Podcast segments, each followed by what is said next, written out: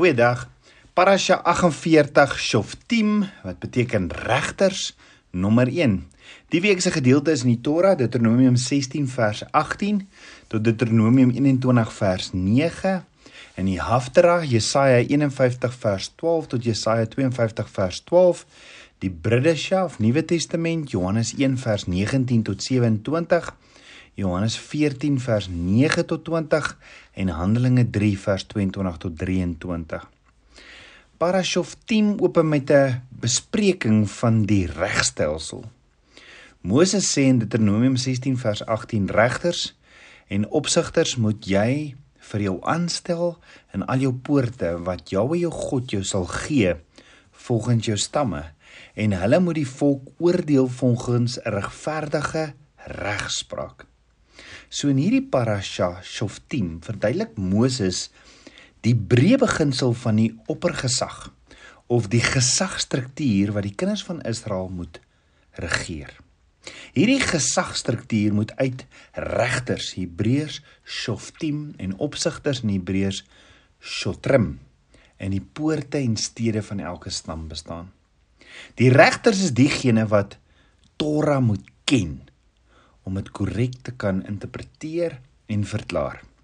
En dis soos Paulus ook sê in 2 Timoteus 2 vers 15 waar hy sê lê jou daarop toe om jou beproef voor God te stel as 'n werker wat hom nie hoef te skaam nie wat die woord van die waarheid reg sny. Met ander woorde om onpartydig uitspraak te kan lewer. Terwyl die opsigters moet toesien dat die beslissings en uitsprake van die regters uitgevoer uitgevoer word. So in die Torah gedeelte vir die week sien ons Deuteronomium 16 vers 18 munisipale beoordelaars en beamptes vers 21 verbode forme van aanbidding Deuteronomium 17 vers 8 regsbeslissings deur priesters en regters vers 14 beperkings van die koninklike gesag Deuteronomium 18 vers 1 voorregte van priesters en leviete Deuteronomium 18 vers 9 kinderopoffering waarsêry towerkuns word verbied. Vers 15 'n nuwe profeet soos Moses. Deuteronomium 19 vers 1 wette rakende die stede van vlugtelinge. Vers 14 eiendomsgrense. Vers 15 instruksies rakende getuienis.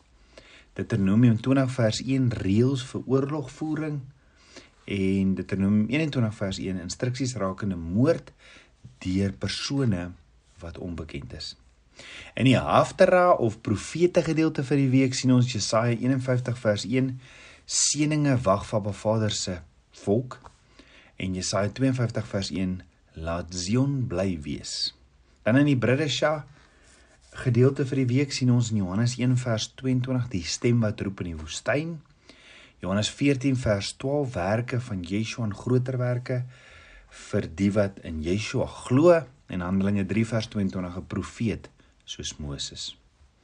Soos gesien, regters in Hebreërs is shafat en die enkelvoud is shoftin wat beteken om 'n uitspraak te lewer, om te beslis, te vonnis, te oordeel, te reguleer, om orde te skep en te handhaaf. Dit beteken ook om harmonie, geregtigheid en kampvegter te wees vir regte.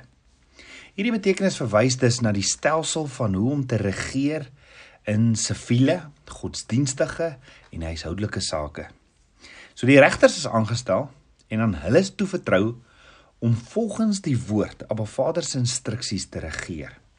Hulle moes die geregtigheid najag want Moses sê in Deuteronomium 16 vers 20 geregtigheid geregtigheid moet jy najag dat jy kan lewe en die land in besit kan neem wat Jahwe jou God jou sal gee. So die regters moes 'n saak oordeel, 'n beslissing maak en 'n uitspraak lewer op grond van Abba Vader se instruksies en op grond van 2 of 3 getuienis.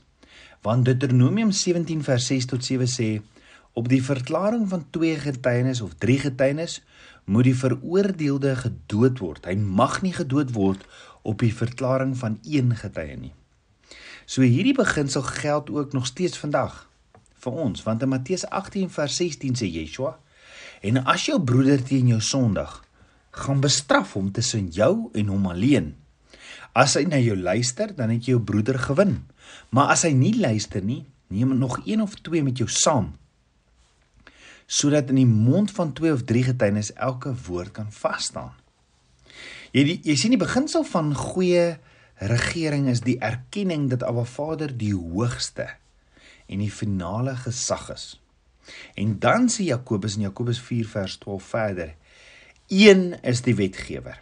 Hy wat mag het om te red en te verderf. Maar jy, wie is jy wat 'n ander oordeel?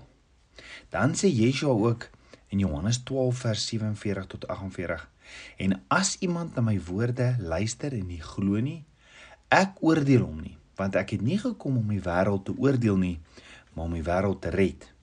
Wie my verwerp en my woorde nie aanneem nie het een wat hom oordeel. Die woord wat ek gespreek het dit sal hom oordeel in die laaste dag. Dan opsigters in Hebreëus is shoftrim en hulle is die amptenare wat uitvoering gee aan die beslissings en uitsprake van die regters.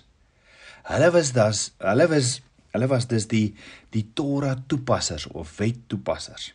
So 'n Vader se regeringsstruktuur bestaan dus uit gekose leiers wat die kinders van Israel moet dien deur toe te sien dat geregtigheid geskied en orde gehandhaaf word volgens die standaarde en riglyne soos volgens Abba Vader se instruksies uiteengesit is. So Moses herinner die leiers daaraan dat hulle aangekla word van regstawing. Hulle kan nie omkopery neem, gunstigheid toon of enige ander vorm van korrupsie aanwend nie. Dan 'n paar verse later praat Moses oor die wet om 'n koning aan te stel en om oor die kinders van Israel te heers. Omdat daar was nog nie 'n koning nie, maar Abba Vader gee al reeds sy instruksies want hy weet alles. Nou die taak van die koning is om Abba Vader se wet te handhaaf. Nie om op te tree as 'n opperste menslike heerser wat op een of ander manier die plek van Abba Vader inneem nie. Nee. Die koning moet 'n Torah rol saam met hom dra en hom ken. Hy moet Abba Vader ken ten alle tye. Die opdrag aan die koning om 'n kopie van die Torah te ken, te leef te demonstreer is die werk van ons Messias. Yeshua self is die woord wat vlees geword het. Hy is die kopie van die Torah in menslike vorm. Verder skryf hy 'n kopie van die Torah soos hy die Torah op ons harte skryf.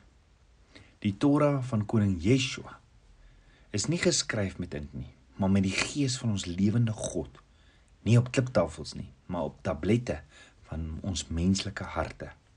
Paulus in 2 Korintiërs 3 vers 2 tot 3: "Julle is ons brief geskrywe in ons harte, geken en gelees deur alle mense, omdat julle duidelike brief van Christus is deur ons diens berei, geskrywe nie met ink nie, maar met die gees van die lewende God, nie op kliptafels nie, maar op die vleestafels van die hart." Dan kort daarna hou Moses 'n bespreking oor ander leiersklas. Jy weet ander leiersklas, die priesters of in Hebreëus die Kohanim. En die volgende is 'n lys van instruksies wat Moses gee, naamlik moenie deelneem aan waarsêery of ander okkultiese afgodsdiens nie. Moenie 'n valse profeet wees nie en luister nie na valse profete nie. Om ook toevlugsoorde vir moordenaars te vestig, dit is wat Moses ook instel of van praat, as ook twee getuies word vir 'n doodstraf vereis.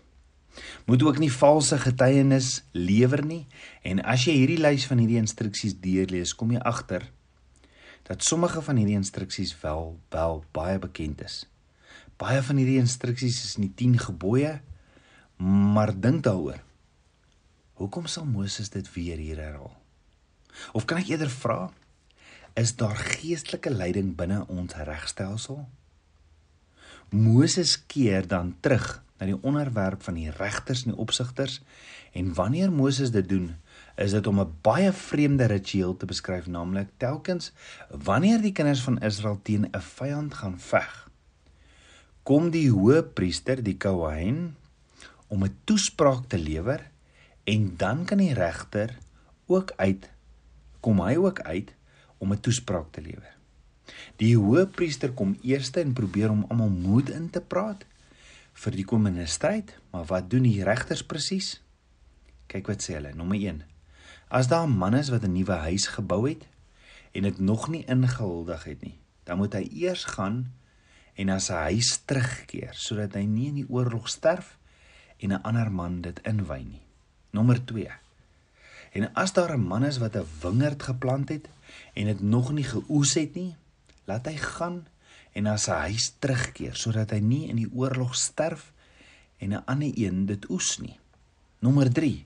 En as daar 'n man is wat verloof geraak het, laat hy huis toe gaan en haar syne maak sodat hy nie in die oorlog sterf en 'n ander man haar neem nie. Dan nommer 4 sê Moses in Deuteronomium 20 vers 8: As daar 'n man is wat bevrees is en week van hart is, hy kan teruggaan huis toe dat die hart van sy broers nie versmelt soos sy hart nie.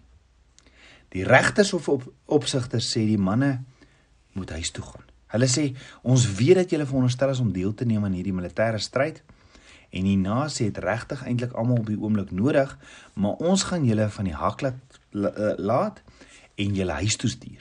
Hoekom? Omdat die regters besef het dat hulle 'n persoonlike rede het om huis toe te gaan. 'n Rede wat die waarde van jou deelname aan die geveg op die een of ander manier troef. Met ander woorde, as jy huis gebou het, maar nooit daarin gewoon het nie of jy het aan 'n vrou verloof geraak maar nooit met haar getrou nie of jy het 'n wingerd geplant maar nog nooit die vrugte daarvan geoes nie of jy is net bang is ons bang dat jy die res van die troepe met jou senuweeagtigheid sal besmet wat ook al die rede is gaan huis toe mens lees 'n gedeelte soos hierdie en dan en dan wonder jy nou wat maak hierdie manne so uniek Waarom is hulle individuele veiligheid belangriker as die gemeenskaplike behoefte? Dink daaroor. Hoekom word hierdie spesifieke manne huis toe gestuur?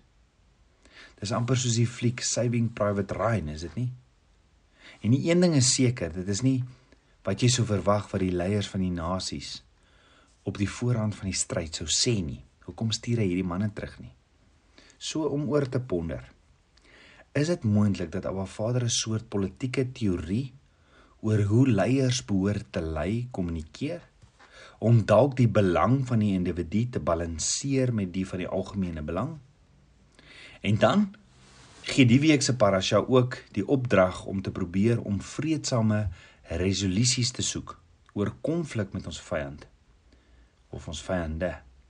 Maar as 'n militêre konflik nie vermy kan word nie, is ons veronderstel om hulle heeltemal te vernietig.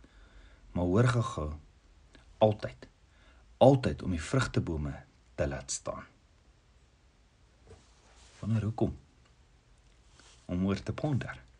En uiteindelik eindig Parashashov 10 met 'n bespreking van die wette van die Legla, Arufa en die verskalf wat sy nek gebreek is 'n vreemde prosedure waardeur die priesters en die ouderlinge van 'n stad regeer op 'n onopgeloste moord. Nog hulle mondvol vir hierdie week. Kom ons bid saam. Abba Vader, skepper van my hart, Abba, ek loof en ek prys U. Vader, ek bid vir wysheid en insig. Leer my meer en meer van U karakter, U waarheid en kom transformeer my om meer en meer soos my bruidegom Yeshua te wees. Was my met die waterbad van die woord en kom leef in my. Ek snag, ek smag, ek dors en honger na U, my Abba, meer en meer van U. Bid dit alles in Yeshua Messie se naam, die seun van Jahweh. Amen. Shalom.